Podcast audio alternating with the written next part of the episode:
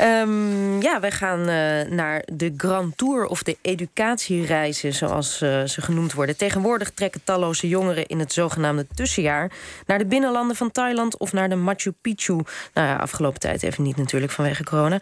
Maar om zichzelf te ontdekken, dat was dan het idee. Bijna vijf eeuwen geleden was zo'n tocht naar een vreemd buitenland alleen weggelegd voor welgestelde jongens. Ja, en waarom ging zo'n 17e-eeuwse rijkeluis zo'n op pad? Waar ging hij naartoe en wat leert hij ervan? Dat onderzoek onderzocht Ellen Mos in zijn recent verschenen proefschrift. En Ellen is nu hier om ons daarover bij te praten. Ellen, je noemt het in je boek, uh, je proefschrift, educatiereizen. Uh, wij denken altijd aan de term Grand, Grand Tour. Dat is misschien iets van wat later. Mag je het daarmee vergelijken? Dat is eigenlijk hetzelfde, de educatiereis en een Grand Tour. Het is een beetje een technisch verhaal, maar die Grand Tour... dat werd in de tijd niet zo heel veel gebezigd. Dus ik gebruik liever de term educatiereis. Ja. Maar in die tijd was het inderdaad heel gebruikelijk voor, uh, voor rijken voor invloedrijke families om hun zonen op zo'n rondreis te sturen naar Italië en Frankrijk. Uh, daar leefden ze ook op stand leven in grote steden als Rome, Parijs en Genève. En dat kon makkelijk één, twee, soms ook wel drie jaar duren. En daar hielden ze uitgebreide reisverslagen van bij. Waarin ze precies vertelden wat ze. En, en wie betaalde dat? Het was toen nog geen. Uh, Hun ouders. Ja, vader, ja, papa ja, en mama. Die op de achtergrond stiekem meelezen. Sommige dingen veranderen nooit. Maar goed. Nee, eh, wat was precies het doel van die reizen? Want die, die ouders betaalden dat dus. Dus er zat een, een, gedachte achter. Zeker. Dus aan het einde van je opleiding, einde van de universiteit, ging je dan op zo'n reis. Dat je, dat je zelfstandig wordt, zelfredzaam wordt, meer over de wereld leert. Uh, gaan met andere culturen, andere geloven, andere gebruiken, andere mensen. Um, dit is ook een heel praktisch element. Als je naar Parijs gaat en de Loire-streek in Frankrijk, huur je een klein leger aan privédocenten in om te leren schermen, om paard te rijden, om te steldansen, te musiceren. Eigenlijk al die adellijke vaardigheden die je daar uh, kunt, kunt opdoen. En als je eenmaal terugkwam in Nederland, dan kon je meteen pronken met al die kennis die je dan had. Je was echt een wereldburger geworden en dan had je meteen een streepje voor op je cv. Dus het was eigenlijk gewoon een carrière sprong, ja, heel belangrijk. Het hoorde erbij. Ja.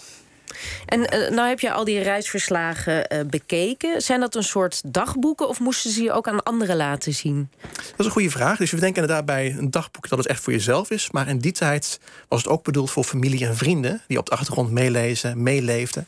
Uh, en ouders die financierden die tocht inderdaad. Dus je kan wel voorstellen dat kinderen een heel ander beeld van zichzelf presenteren... in die verslagen dan er daadwerkelijk speelde op dus de geen juicy nou, details? Nou, die hebben we wel, maar meer gaan ze aan brieven. Ook van ouders die met het vingertje wijzen... van je moet je wel gedragen daar in. Want ik hoor allerlei geluiden dat je daar toch wel uh, rare dingen doet. Maar in zo'n reisverslag wil je jezelf juist heel goed presenteren. Van ik ben een juist een goede Calvinist... of iemand die juist heel tolerant omgaat met die rare katholieken daar. Met een, een cosmopoliet ja, of een Nederlander. Want, want je zegt nu rare katholieken daar. Uh, waren het allemaal jongens van protestantse huizen dan? Hadden gingen geen katholieken op pad? Een paar katholieken, maar in Nederland is het vooral de, de rijke Calvinistische toplaag die op, op reis gaat. Ja. ja. En nu zeg je net, uh, af en toe drong het wel door dat uh, iets niet helemaal lekker ging of dat ze zich wat misdroegen. Hoe, hoe, hoe werd dat dan bekend?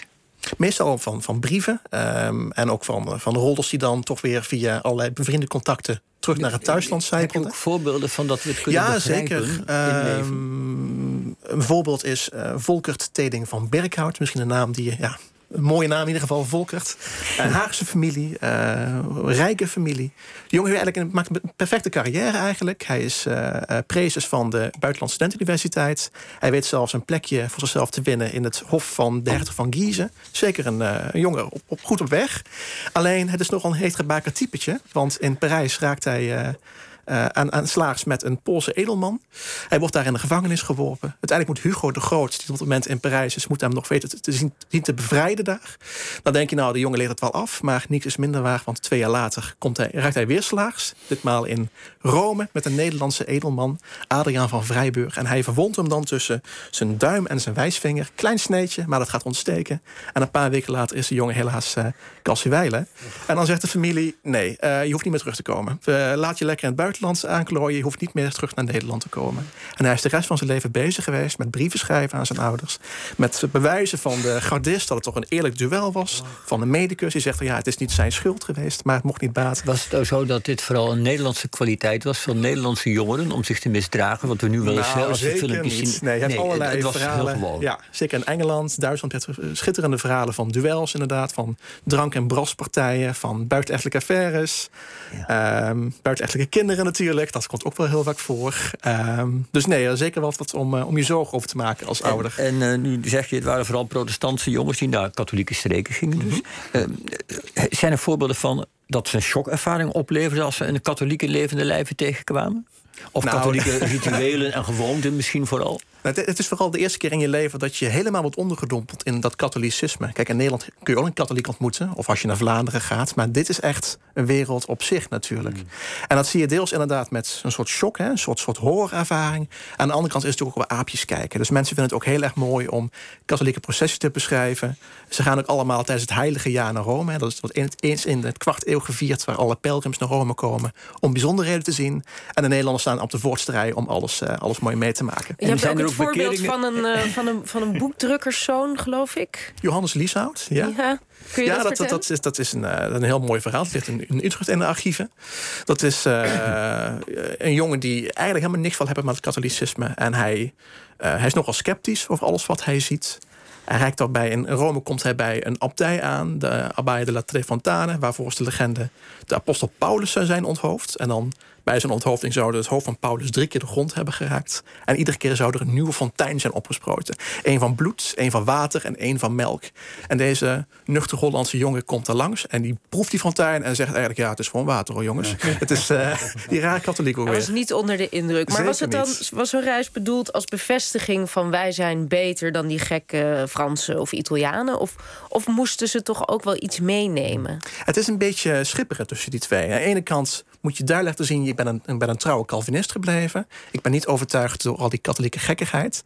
Aan de andere kant moet je laten zien dat je uh, tolerant was, dat je kon omgaan met andere culturen. Want dat heb je later nodig in je carrière als, als diplomaat, als handelaar. Dus is ergens een middenweg zoeken, een gouden middenweg voor, een gulden middenweg voor, uh, voor die houding, inderdaad. Goed, nou heel mooi. Dankjewel. Ellen Mos, veel dank voor je uitleg. Je proefschrift is terug te vinden op je website ellenmos.nl. En we begrijpen dat er een handelseditie komt in het najaar, klopt, klopt. dat? Ja, bij uitgeverij Verloren. Mm. Goed, hartelijk dank. De actualiteit van de geschiedenis. Dit is tot 12 uur OVT.